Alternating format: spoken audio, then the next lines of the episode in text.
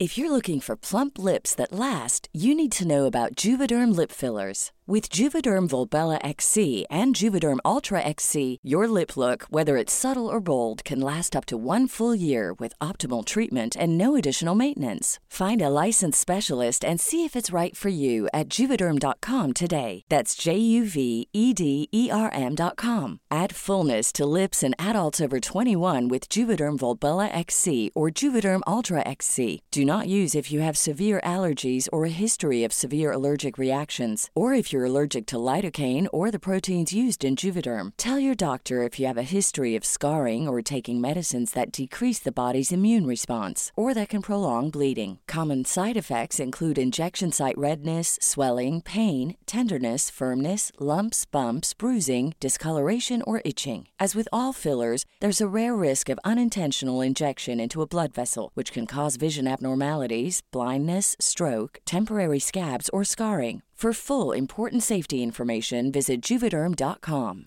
Hey, I'm Ryan Reynolds. Recently, I asked Mint Mobile's legal team if big wireless companies are allowed to raise prices due to inflation. They said yes. And then when I asked if raising prices technically violates those onerous two year contracts, they said, What the f are you talking about, you insane Hollywood ass? F- So to recap, we're cutting the price of Mint Unlimited from $30 a month to just $15 a month. Give it a try at mintmobile.com slash switch. $45 upfront for three months plus taxes and fees. Promo rate for new customers for limited time. Unlimited more than 40 gigabytes per month. Slows. Full terms at mintmobile.com.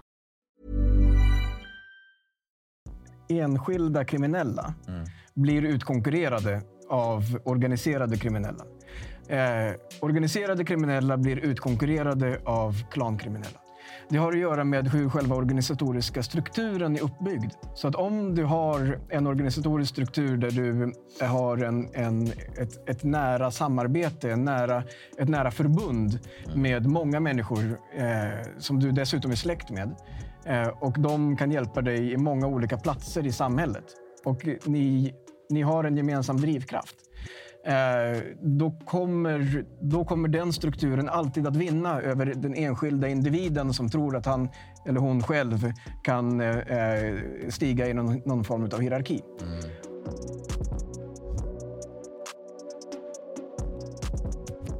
Hej på er och välkommen tillbaka till Dialogiskt. Mitt namn är Viktor och jag är som vanligt er host. Vi vill fortsätta med att säga att vi är tacksamma över att ni subscribar, delar, men framför allt tipsa era nära och kära om vår fantastiska kanal. Eh, temat idag, denna vecka, blir eh, bok. Samhällsskildring kan jag säga att den här boken är. Den heter Klanerna och är skriven av Jan Persson och Johannes Wahlström. Hej och välkomna mina herrar. Tack så mycket. Jag måste ge er komplimang. Ja. Tack. Tja, tja. tack. Eh, wow. När jag... eh, Alltså, den här boken. När jag eh, bara läser ordet klanerna så tänker jag på... Jag personligen tänker ju någonstans på påven Borgia. Ni vet Rodrigo Borgia som var Alexander den sjätte, tror jag, eh, 1600-talets eh, Italien, renässans. Det här med att, att ha en klan som är familjesystem, släktband, där man liksom lägger in eh, personer som är nära band på olika viktiga poster för att kunna eh, här, styra samhället. Är jag rätt ute? Eller? Alltså, om du slår upp Svenska Akademins ordlista, eh, då står det att klan betyder släktgrupp. Den definition vi eh, har, har lagt det är att en klan är ett släktbaserat nätverk som le- leds av en klanledare. Det är hierarkiskt. Och I vårt fall pratar vi om klaner som har, eh, kommer från länder eller eh, geografiska områden där man har en svag stat och saknar tilltro till myndigheter. Därför bygger man upp parallella samhällen som har eh, ansvar då för rättssystem, för finansiering, för, för den sociala samvaron och allting sånt. Ersätter alltså den statens. Och det, det, de klaner som vi beskriver, det är klaner som har kommit från sådana områden, tagit med sig eller byggt upp parallella samhällen och eh, bedriver kriminell verksamhet. Okay. Innebär det då att Sveriges samhällssystem är, är, är svagt så att de liksom kan gå in i vårat, eh, vad ska man säga, i våran samhällskropp och, och, och, och göra så? alltså vi, vi, vi, vi beskriver eh, det som, som är kriminaliteten egentligen i, i vårt land. Och det är det som är vårt fältarbete. Mm. Samtidigt, och det kan vi komma in på kanske under samtalet, mm. eh, så pratar vi också om det som är själva den organisatoriska formen som är klanen. Och det här är mer i det som, som du nämner om, eh, om påveskapet och, eh, och, och Eh, Italien. Eh, och i den bemärkelsen så så har vi såklart en, en, struktur i Sverige som inte bara handlar då om, eh, om, om, personer som kommer från andra länder som då är familjebaserade och, eh, och har liksom ett, ett klanväsende. Utan vi, vi har i vårt land väldigt starka institutionaliserade företag som drivs utav, utav svenska klaner. Mm. Eh, och, och det här är ju någonting som är, har blivit en del av liksom, det svenska systemet på sätt och vis. Eh, och vi går igenom i boken på sätt och vis kan man säga två olika sidor utav, utav samma eh, organisatoriska form. Där den ena är, är det som eh, bär liksom, samhälls, eh, samhällsbyggnaden. Och det har gjort det under väldigt lång tid, även om vi inte har pratat om det. Det har varit nästan, nästan lite hysch-hysch kring den saken. Du tänker, vilka är det då? Som det är de, de, de, stora familjer som, som man liksom känner till som äger större delen av de svenska industrierna och, mm. och de stor, stora företagen. De är ju familjebaserade och så har det mm. varit eh, ända sedan liksom, eh, senaste hundra åren. Eh, och sen så har vi då det som är de här, de här nya klanerna som vi har sett helt enkelt eh, bedriver en helt annan typ av verksamhet. Spelverksamhet, eller är det sån verksamhet vi alltså, pratar man kan Säga, det vi tar avstamp ifrån i vår mm. bok det är egentligen en delvis hemlig rapport som polisen släppte i hösten 20. Mm. Eh, och då var det dåvarande rikspolis, ställföreträdande rikspolischefen Mats Löving, som tyvärr är avliden nu. Eh, han satt i tv och så, sa att jag påstår, sa han, att det har kommit ett 40-tal klaner till Sverige och etablerat sig här bara med syftet att begå kriminell verksamhet. De har kommit för det syftet? Så sa han. Mm. Eh, och I den här rapporten så är det, eh, om jag kommer ihåg rätt nu, 36 klaner som man identifierar på olika orter i Sverige. Eh, och det vi ser är att de är väldigt välorganiserade. Mm. De jobbar väldigt strukturerat. Men en klan som bara leker med, med liksom en siffra nu. Vi säger att det är ett släktnätverk som består av 100 mm. personer så det är ju långt ifrån alla av dem som begår, bedriver kriminell verksamhet. Mm. Jag tänker bara en bråkdel. Men de gör det med klanens goda minne därför att eh, vinstdelningen kommer ju alla till del. Mm. Men istället så, så har man egna legala, legitima företag som, som bedriver legal verksamhet men som också används för distribution eller transport av narkotika, vapen. Vi har beskrivit att man skulle kunna beskriva den kriminella verksamheten som att den är uppdelad i olika affärsområden. Där någon jobbar, några jobbar med prostitution, mm. människohandel.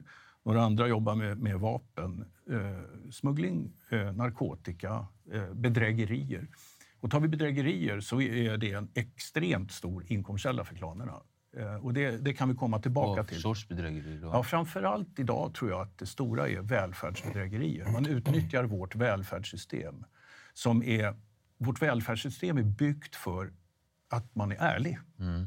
Som till exempel bidrag? Ja, bidrag absolut. Men man, nu har Ekobrottsmyndigheten nyligen eh, kommit med en rapport som beskriver att man ser att man upprättar vårdcentraler privata vårdcentraler. Assistansbolag är ju sedan gammalt mm. ett känt problem. Men också att man utnyttjar bidragssystemet eh, mm. genom att helt enkelt komma med, med falska uppgifter. Och, mm.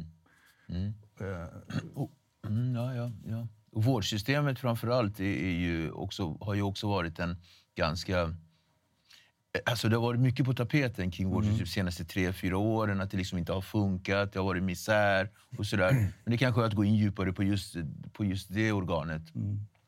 Men eh, vad är det, finns det någonting specifikt, något område som utmärker sig specifikt i, när det gäller eh, just de här eh, alltså klanernas sätt att etablera sig. Mm. Jag, om jag, Ja. jag skulle gärna vilja bara eh, börja med att och, och försöka förklara vad det, är, vad det är vi har gjort. Liksom, och vad det här är för någonting. Ja, men tack. Eh, och, eh, och det är så, så här nämligen att eh, vi ställde oss frågan vad är den svenska kriminaliteten för något? Mm. Och då kan man ju gå tillväga på lite olika sätt. Eh, och, eh, eh, och så som liksom den vetenskapliga världen har gjort under lång tid så har det varit antingen att man har eh, försökt att, att titta på de, de liksom sociala sammanhang som människor lever i eller liksom besöka människor och, och, och, eller hur man då har dömts och så vidare. Det vi har gjort är någonting helt annorlunda. Eh, vi har helt enkelt eh, tittat på alla, alla brott som har begåtts i Sverige under en femårsperiod. Vi har tittat på alla fall som har, då, har varit eh, alla sprängningar, skjutningar, utpressningar, mord. Eh, jag kanske missar någon, någon kategori till. Bedrägerier och... eh, Ja, Ja. Du, du är rätt på där. Ja. Eh, Så vi har tittat på, på alla brott som har eh, gått till eh, åtal. Det betyder inte att de nödvändigtvis har blivit dömda, men alla som har gått till åtal. Eh, och eh, så har vi då tittat på, på grundmaterialet bakom varje enskilt brott. Så vi pratar om tusentals brott. Eh, och varje enskilt brott har eh, något som kallas för förundersökningsprotokoll. Ett förundersökningsprotokoll det är helt enkelt det är alla uppgifter som rättssystemet har att titta på. Och I och med att vi lever i en digital värld, det finns kameror överallt, mobiltelefoner, eh, så betyder det att i varje fall så finns det telefonavlyssningar, banktransaktioner, e-postkorrespondens.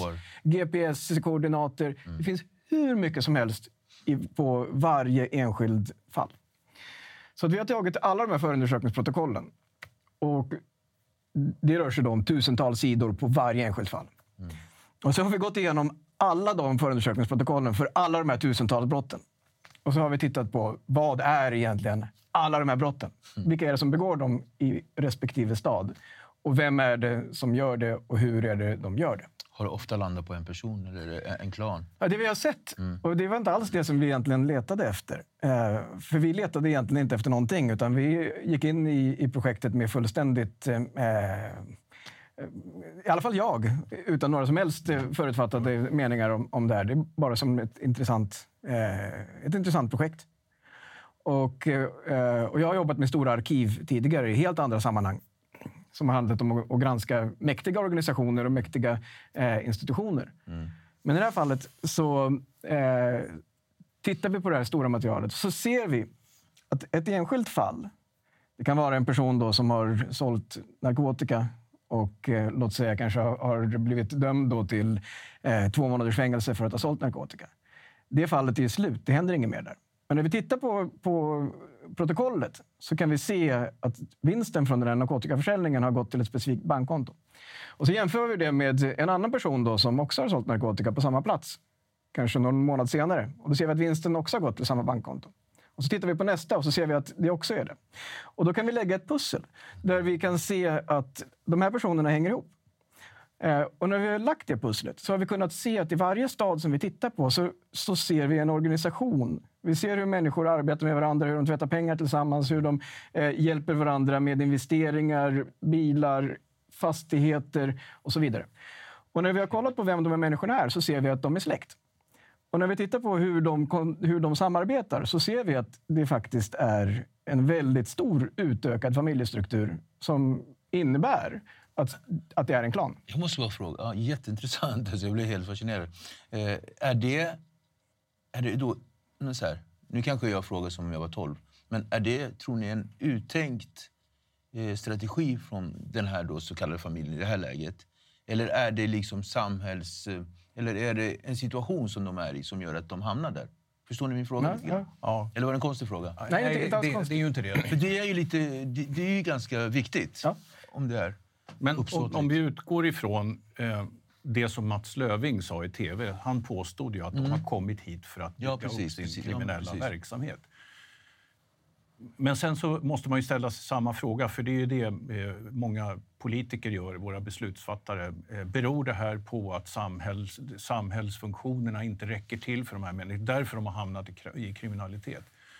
Jag tror inte vi kan göra någon djupgående analys av det. Nej. Eh, vad är hönan och vad är ägget? Mm. Men, men det faktum, eh, faktum kvarstår. Och, och sen den här rapporten släpptes så kan inte vi säga hur många klaner finns det idag. Det finns nog betydligt fler än de här 36. De här 36, och de ja. växer hela tiden. Ja. Dels rekryterar man in nya unga människor. Eh, Så då, är det ett släktbaserat nätverk så är det ju inte bara familjemedlemmar som är... Det är utan man rekryterar ju in människor som, som framförallt gör det här smutsiga jobbet på gatan. Mm. Och där säger ju polisen att det, det rekryteras tre nya personer, unga människor, varje dag. Det betyder tusen om året ungefär cirka. Och det är ju den här rekryteringen som behöver brytas. Vi behöver inte prata Nej. nu om vad, vad som behöver göras, men och det är inte någonting vi har lagt någon värdering i boken heller, vad som har gjorts och vad som görs nu och sådär. Mm. Vad som behöver göras i framtiden. Men en annan viktig, eh, enormt viktig sak för, för klanerna eh, och- och de organiserade kriminella nätverken, det, det är att eh, eh, värva eller rekrytera möjliggörare eh, på, på insidan av näringsliv, offentlig förvaltning och till och med i politiken. Eh, och det här görs kontinuerligt därför att de har ett kontinuerligt behov dels av att finansiera sin verksamhet men också att tvätta pengar som kommer från eh, kriminell verksamhet. Och, och det ger vi exempel på i boken hur, hur man går tillväga. Och vi har eh, ärenden eh, som vi också beskriver i boken där man har haft till exempel en insider i en stor bank som har hjälpt till med att bevilja krediter och lån till människor som inte ska ha det och berikat sig själva på det sättet. Eh, så så det, det finns liksom hela skalan här kan man säga. Intressant. Ja, vi, vi, vi, vi tittar ju inte egentligen på frågan om, om, eh, om varför, om man ska gå tillbaka till din fråga. Och, eh, eh, och heller inte på, på svaret vad, vad händer, eller vad nu. Utan det, det vi har gjort är, är egentligen... Hur? Ja, vi, vi har tittat precis hur ser det ut. Eh, och, och det är på sätt och vis en ögonblicksbild utav, utav eh, det samhälle som vi, vi har. Och utifrån den ögonblicksbilden så tror jag att man kan dra en hel del olika, olika slutsatser, men man kan också fortsätta och, och ställa en herrans massa frågor för att, eh, att ta reda på fler saker. Eh, men vi har så pass länge varit i, i ett läge där, där vi egentligen inte har kunnat definiera vad är problemet. Eh, att jag tror att det är alldeles för tidigt för att, att ens komma till, till frågan om hur hamnar vi där eller hur går vi vidare. För om vi inte ens vet och inte har pratat om var är vi, då är det svårt liksom att, att vare sig gå framåt eller bakåt i, i tiden. Men, men, men om vi går till, till de här klanerna då. fin- Finns det liksom regelrätta upphovsmänniskor, personligheter som man, den personen är ansvarig eller blir det, är det flera personer? Jag tänker då på, nej jag var lite på påvesystemet. Om man liksom tittar på Vatikansystemet så är det liksom det är ju så, nu, inte nu, alltså, vad jag vet, då, men förr i tiden så var det, liksom, det var ju olika kardinaler, alla hade olika intressen och varje kardinal hade sin egen familj. Så det blev små klaner i varje kardinal. Och sen har vi då påven som satt högst upp och han liksom hade ju mer koll på alla de här. Så i den bemärkelsen, om man skulle säga då, då skulle man säga så här, men påven är väl den ytterst skyldiga. Men så finns det massa skyldiga. Förstår ni min fråga lite grann nu? Eh, och om vi tar det exemplet eh, på den staden som, som du berörde tidigare, där, där du sa att det fanns, liksom, tog man bort en säljare så kom det en annan och så genererar det till ett konto. Så måste det någonstans finnas ett, det måste ju finnas en knut. eh, Eller, ja. Men i just det här konkreta fallet, då, man, man skulle kunna beskriva resten utav, utav en sån stad. Och den ser ungefär likadan ut i, i, i väldigt många svenska städer. Så du kan ha, det vi har sett då, det kan vara då att det är enskilda eh, unga killar framför allt eh, som har varit narkotikaförsäljare. De kan vara i 20-årsåldern. Eh, och, och de säljer droger på gatan. Eh, och det, de, det vi ser då det är att deras narkotikaförsäljning genererar ungefär en miljon kronor per år och person. Så det är liksom de som är allra längst ner. Eh, den vinsten har då gått till eh, företagskonton som då ägs av personer i, i samma klansystem. Mm. Och det kan vara företag då som, som är eh, restauranger, nattklubbar, kasinon eh, och så vidare inom samma stad. Mm. Yes.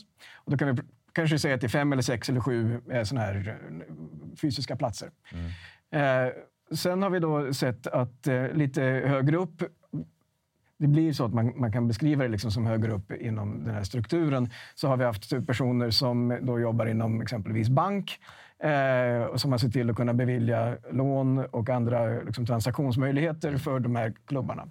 Eh, och sen så har det funnits personer som jobbar då inom förvaltningen och då är det till exempel Försäkringskassan, Arbetsförmedlingen eh, och andra sådana typer av, utav myndigheter. Och de har då sett till att eh, samtidigt dela ut arbetslöshetsersättning till de här killarna eh, ja, ja. som samtidigt bedriver narkotikaförsäljning.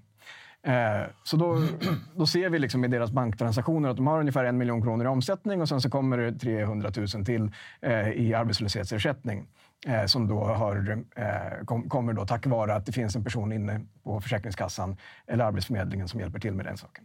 Och sen har vi sett då att det finns ett, ett klanöverhuvud kan man säga. Eh, och det, det, kan vi inte egentligen veta med, med, stor säkerhet, men det är så som källmaterialet indikerar. Mm. Eh, och det är då en, en person som, eh, som, som är eh, respekterad liksom, av många av de andra eh, inom den här klanen och den personen har ett politiskt uppdrag eh, allra högst upp i, eh, i den här staden och sitter då i, i fullmäktige mm. för det regerande partiet.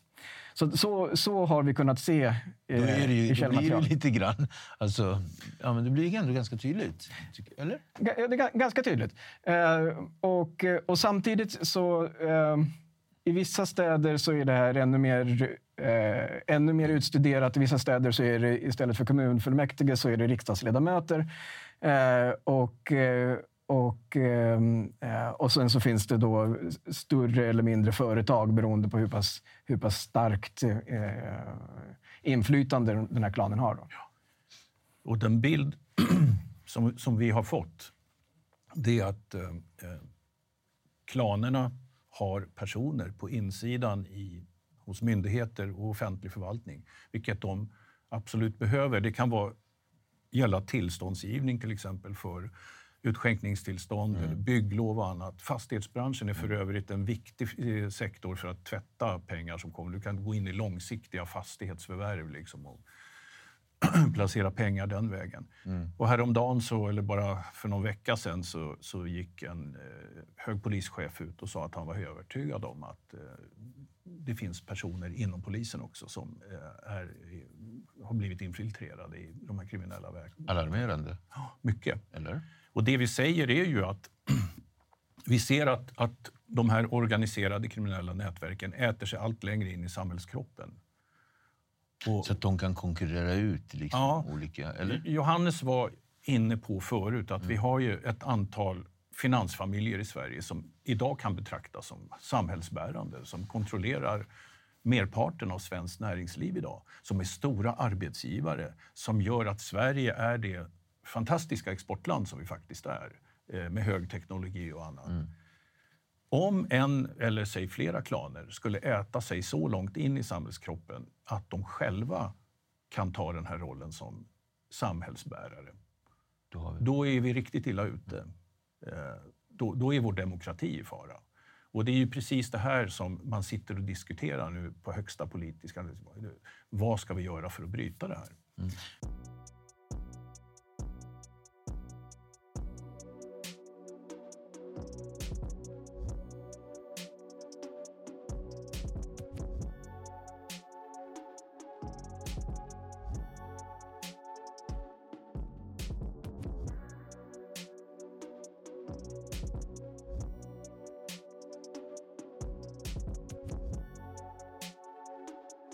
Hör det här någonstans ihop med klimatet som vi har med dödsskjutningar och sådär? Har det någon koppling med det här? Eller finns det ja, men det har det ju absolut, det har det. säger jag då. Ja.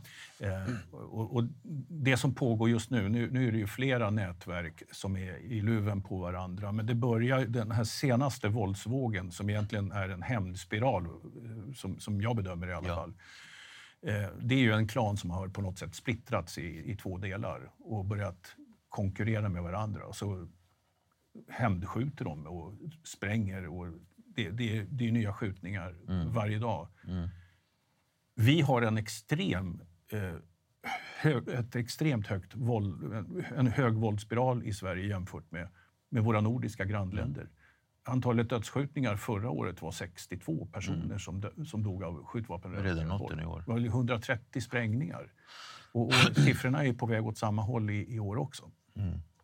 Ja, sprängningarna är redan förbi. De är 135 tror jag nu. Så att, eh, Systemhotande brottslighet. Eh, är det det du, du pratar om? Att det, liksom, det här att de går in i olika organ och, och, och skaffar egna institutioner, så här, klan. Men nu är jag lite inne på det här som du var lite så här, det är inte det vi riktigt gör med. Vad kan vi göra då? Alltså, vad är det som, hur motarbetar man det här? Alltså, det, det känns som det är någonting som är ganska framåtskridande och redan väl utvecklat. Ja, det finns ju ingen enkel lösning på det här. Utan det, det, det krävs ju en bred satsning på alla fronter. Och, och, eh, det krävs en nationell samling där man tittar över ända från högsta politiska ledningen ner till föräldraskapet. skulle jag säga. Eh, och, och att man ger rätt verktyg till de myndigheter som har att jobba med det här. Och det, man är ju på den här bollen på flera sätt. Eh, Bland annat eh, en stor sak är den här sekretessen, eh, sekretesslagstiftningen som, som har hindrat myndigheter att lämna, dela information med varandra. Med varandra. Den frågan är man ju på.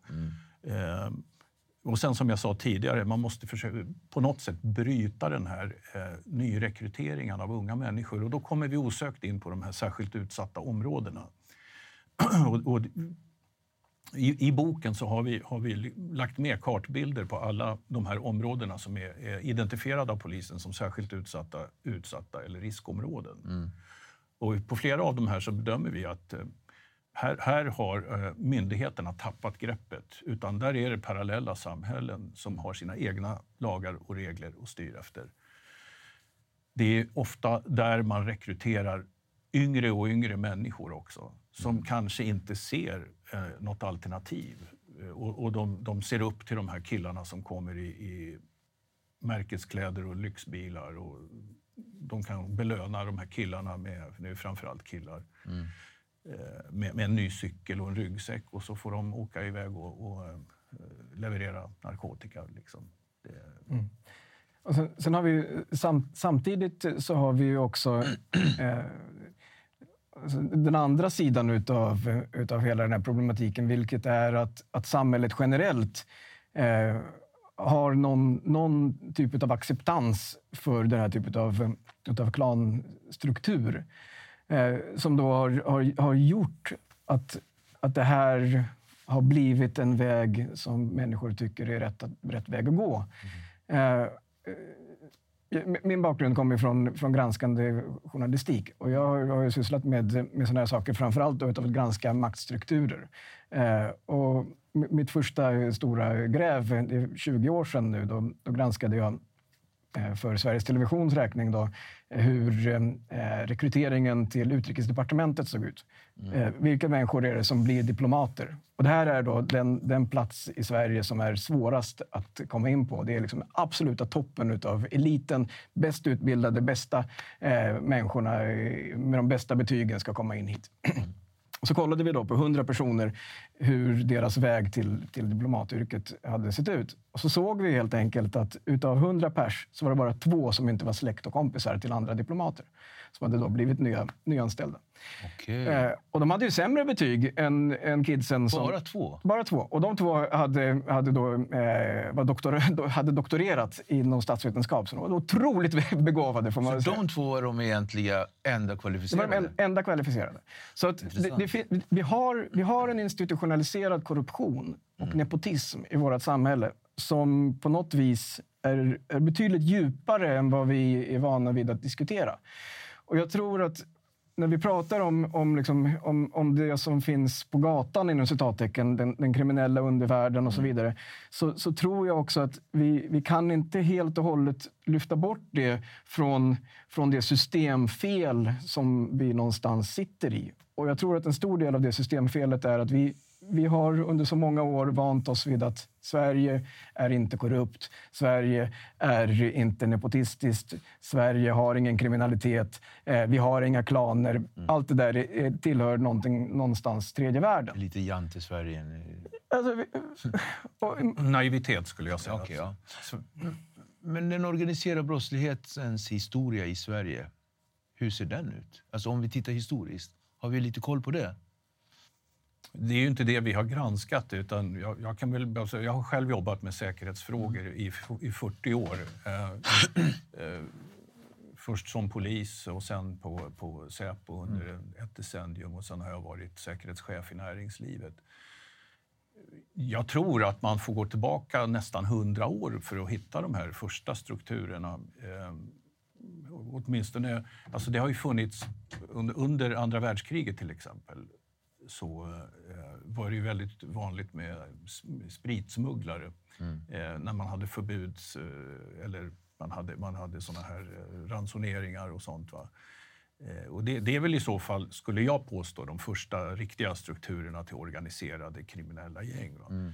Men tittar vi idag så är det ju som jag sa tidigare olika områden man jobbar i. Det, det finns, Skatteverket bedömer att nästan 100 miljarder om året försvinner i uteblivna skatteintäkter på grund av den här kriminella verksamheten. Vi beskriver också att eh, enligt en rapport från, från eh, E- EU-kommissionen som gavs ut för några år sedan så bedömer man att 10 procent eh, det motsvarar alltså 10 procent av vår bruttonationalprodukt eller hälften av vår statsbudget. Och då, pratar vi, då inkluderar vi hela skuggsamhället, det här med människoexploatering, svart arbetskraft, eh, arbetsmiljöbrott och, och sådana saker. Och det, det, är- där är ju till exempel byggbranschen en enorm eh, eh, har, har en stor del av det här, men även restaurang och eh, städ och sådana vad ska vi säga, enkla arbeten som man kallar det. Så om vi, om vi nu då tittar på utmaningar då för våldet och den organiserade brottsligheten. Vad är den största utmaningen för det här? Var börjar man någonstans? För det känns ju väldigt stort och mycket att ta på på en gång. Alltså det är så oerhört svårt att förklara hur det kommer sig att vi har så extremt mycket dödsskjutningar, alltså dödligt våld på olika sätt jämfört med våra grannländer. Men, men en förklaring är ju eh, att vi har haft väldigt mycket invandring under kort tid. Eh, där samhället inte har klarat av att ta emot och integrera de här människorna på rätt sätt. Och den korta tiden måste ju vara 20, de Ja. senaste 15-20 åren. Ja. Är det det som är... Ja, jag, Det är ju en ganska kort tid. att Det, är kort tid. Och, och framförallt så hade vi en, en, en stor eh, ökning eh, av, av eh, utrikesfödda som kom till Sverige under 2015, under den stora flyktingkrisen. Mm. Men jag här, det, det går att söka förklaringar och det finns nog inte bara en enkel förklaring, men, Mm. men någonting har hänt. Som Man, man får ju inte glömma också liksom att det har, det, har ju funnits, det har ju varit extremt lukrativt för många eh, väldigt kapitalstarka intressen att ta in fattiga människor som, som kommer att arbeta för väldigt, väldigt låga löner eller vara arbetslösa och fattiga. För att det har, har stärkt eh, effektiviteten inom de här företagen. Så att där i så har det nästan varit ett självspelande piano, tror jag. Att, eh, att, eh, liksom, att man har velat skapa det här för att det, det genererar en vinst någon annanstans. Men för samhället i stort så har det varit katastrofalt. Processen då? För nu har vi ju varit ganska praktiska och pragmatiska eh, utan några som helst känslor, eh, så som vi har diskuterat kring det här. Men om vi går så här personligt då. Er process tillsammans. Eh, jag upplever att ni har haft ganska bra samarbete. Eh, jag känner av när ni pratar att liksom, ni liksom lämnar över nästa fråga ganska artigt till varandra. Ingen pratar i mun på den andra och sådär. Har processen med att skriva den här boken varit lika smärtfri? Ja, samarbetsmässigt så skulle jag svara ja på den Mm. frågan. Sen har det ju varit en del bumps in the road på vägen. Eh, Det var ju därför jag beskrev tidigare att eh, vi var- passerade deadline och Ja, sådär. precis. Vilket visade sig vara ett lyckokast i och för sig. Men man ska inte lämna ifrån sig ett material som inte man känner att det är färdigt. Mm. Och, vi har ju haft andra saker att göra eh, under tiden också. Skriva bok. Liksom. Eh, Johannes är, är frilansjournalist och jag är egenföretagare och har andra uppdrag också. Men, men eh, jag tycker att det, det, det stora utmaningen det var ju att plöja det här materialet, skulle jag säga. Sen själva bokskrivandet har väl ändå flutit på när vi väl har liksom bestämt oss för hur, hur strukturen ska se ut i boken. Vad säger du, Johannes? Jag, jag, jag tycker att det har varit en, en väldigt stor eh, styrka i att vi har så två olika bakgrunder. Eh, och, eh, jag har en, en vana utav att titta på stora arkiv och, och gräva helt enkelt. Men jag kan egentligen ingenting om, om den kriminella världen. Eh, och Jannes kunskap av, av de här frågorna på ett, liksom, både på ett praktiskt plan med den erfarenhet som han har, men också en, en förståelse utav, eh, av hur polisväsendet fungerar och hur kriminalitet fungerar och, eh, och vad det är vi såg. Eh, den, den kombinationen tror jag är, det som har gjort att vår bok faktiskt eh, är intressant att läsa. Eh, för det är, en, det är inte en journalistisk produkt och det är heller inte en polisrapport. Utan det Nej, är, det, är- alltså, men det är en väldigt faktabaserad eh, läsning. Ja, det- Sånt tycker jag är kul faktiskt. Så att man får, får liksom, eh, liksom verklighetsuppfattning och en ja, men jag, lite örfil faktiskt om, om jag ska vara ärlig. Men jag tänker, på tal om det, eh, att liksom bli så här, få en aha-upplevelse. Du, har du har jobbat med säkerhet, du har jobbat inom polisen och, och som du sa själv eh, inom eh, olika sektioner. Ja. Sektorer. Förlåt. Eh, när du ser hela, den här, hela det här mönstret, hela det här uppbyggnaden, känner du av någonting kring alltså, alltså brottsligt sett? Nej, alltså jag, den, den, den stora, det som förvånar mig mest är, det är hur omfattande det här faktiskt är. Vart du chockad? Ja, ja, ja, faktiskt lite chockad. Eh, Det är inte rätt uttryck, men, men jag blev förvånad att det har gått så långt. Och, och att, eh, och, och en sak som, som vi har velat med boken, det är att skapa näring och bränsle till den fortsatta debatten och kanske förhoppningsvis hjälpa våra beslutsfattare att, att eh, förstå verkligheten, hur den ser ut. Eh, Det, det har ju varit ett av huvudsyftena med boken och, och därmed också lyfta locket av den här, som Johannes var inne på, tabubelagda offentliga debatten. När vi pratar om en klan, det är ju ett ord som har blivit ganska värdeladdat. Ja, för Johannes, du, var inne på att det är liksom, den, är, den är inte PK. nej, Nej, lite så. Det- Och det, det är märkligt, för att en klan är en klan. Men det, det här är väl lite grann... För det är inte ett klan, ordet klan är inte... ett- min, I min bild i alla fall, som varit med ett tag, det, det är inte ett ord man använder särskilt of- ofta. liksom, så Nej, kanske inte, men det är inte heller ett, ord som jag tycker är eh, besudlat på något Nej, sätt. eller Alltså, stötande. Inte stötande heller. Jag menar, det finns ju värre ord att beskriva en klan på. Ja, ja, ja. än ordet klan. Mm. alltså, som, som, låter, som låter sämre. Och sådär. Men Johannes, du då? eh, Känslomässigt under de här resorna. Hur lång tid tog det för dig? Det har tagit er ett år?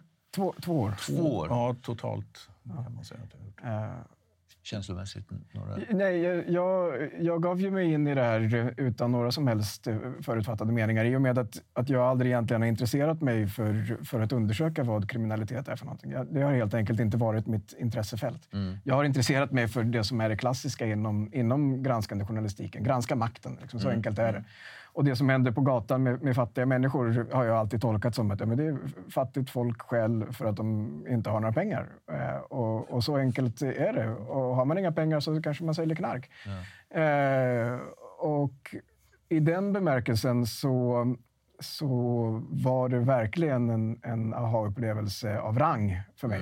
Att, eh, att plöja de här tusentals och tusentals sidorna eh, och, och se att, att en, en väldigt viktig del av, eh, eh, av kriminaliteten ser exakt likadan ut som det som jag har vant mig att granska inom maktsystem. det är, det är väldigt utstuderade samarbeten. Det är, eh, det är olika företag som hjälper varandra. Det är människor som samarbetar väldigt, väldigt tätt. Eh, det är de här eh, korrup korrupta strukturerna.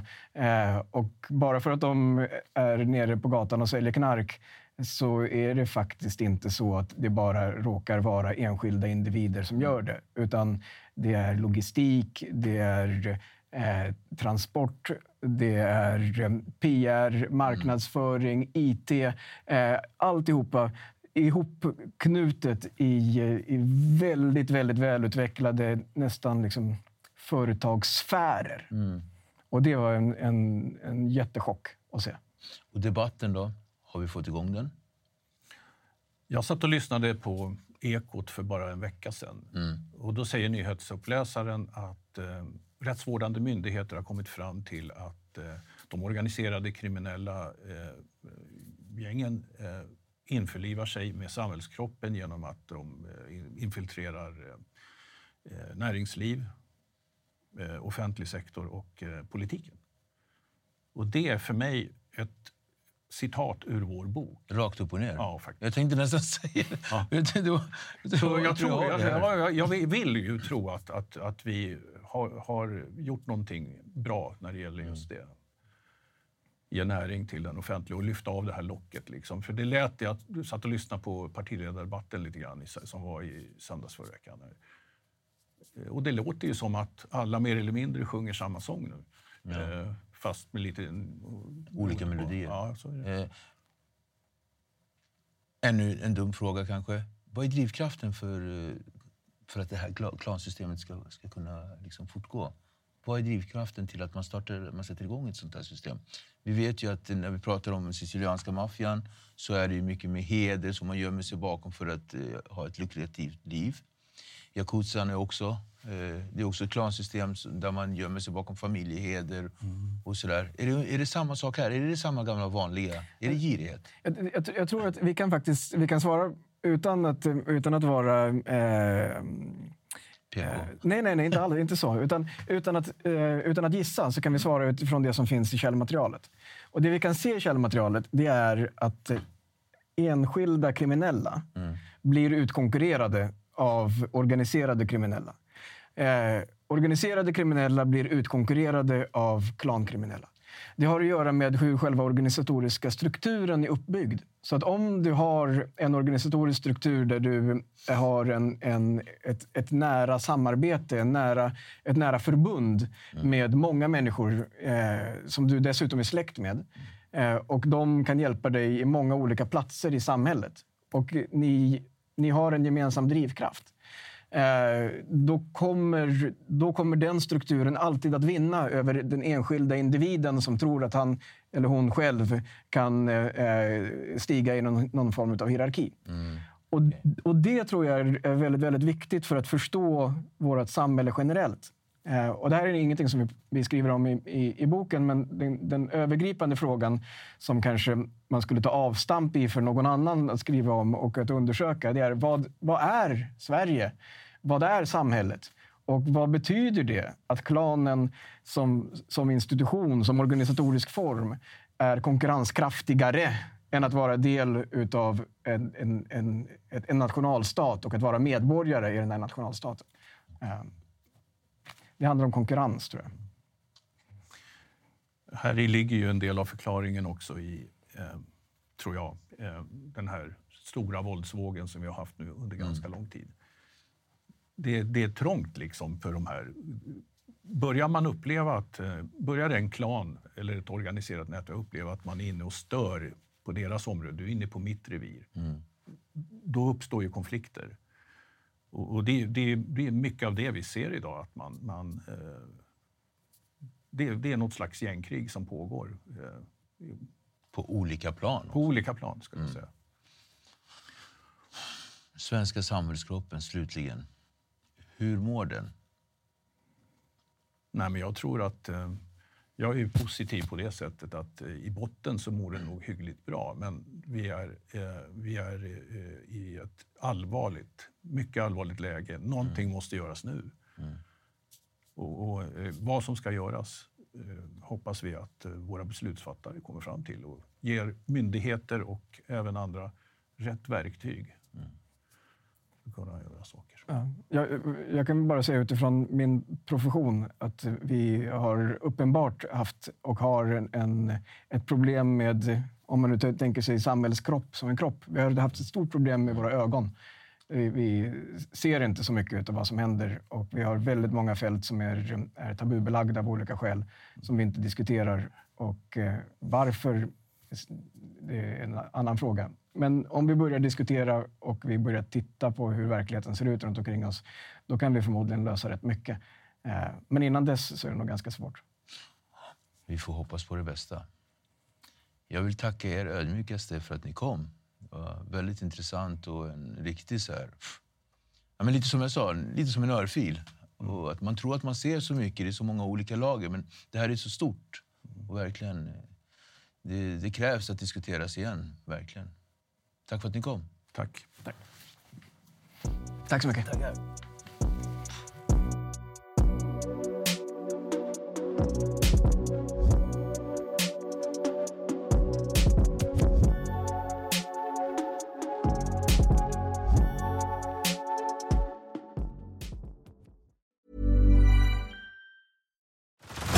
Head over to Hulu this March, where our new shows and movies will keep you streaming all month long. Catch the acclaimed movie All of Us Strangers, starring Paul Mescal and Andrew Scott. Stream the new Hulu original limited series We Were the Lucky Ones with Joey King and Logan Lerman. And don't forget about Grey's Anatomy. Every Grey's episode ever is now streaming on Hulu. So, what are you waiting for? Go stream something new on Hulu.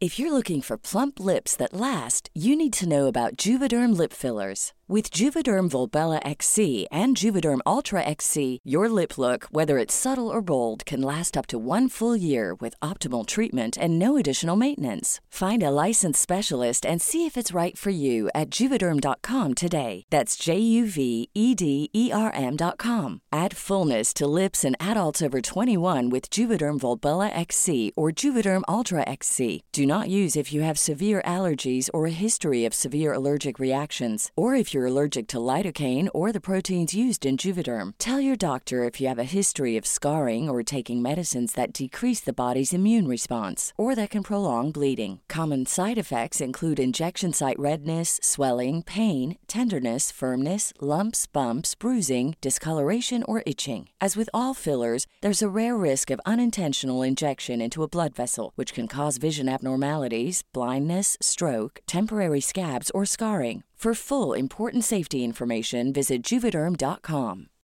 Join us today during the Jeep Celebration event. Right now, get 20% below MSRP for an average of 15178 under MSRP on the purchase of a 2023 Jeep Grand Cherokee Overland 4xE or Summit 4xE. Not compatible with lease offers or with any other consumer incentive offers. 15,178 average based on 20% below average MSRP from all 2023 Grand Cherokee Overland 4xE and Summit 4xE models in dealer stock. Residency restrictions apply. Take retail delivery from dealer stock by 4 1. Jeep is a registered trademark.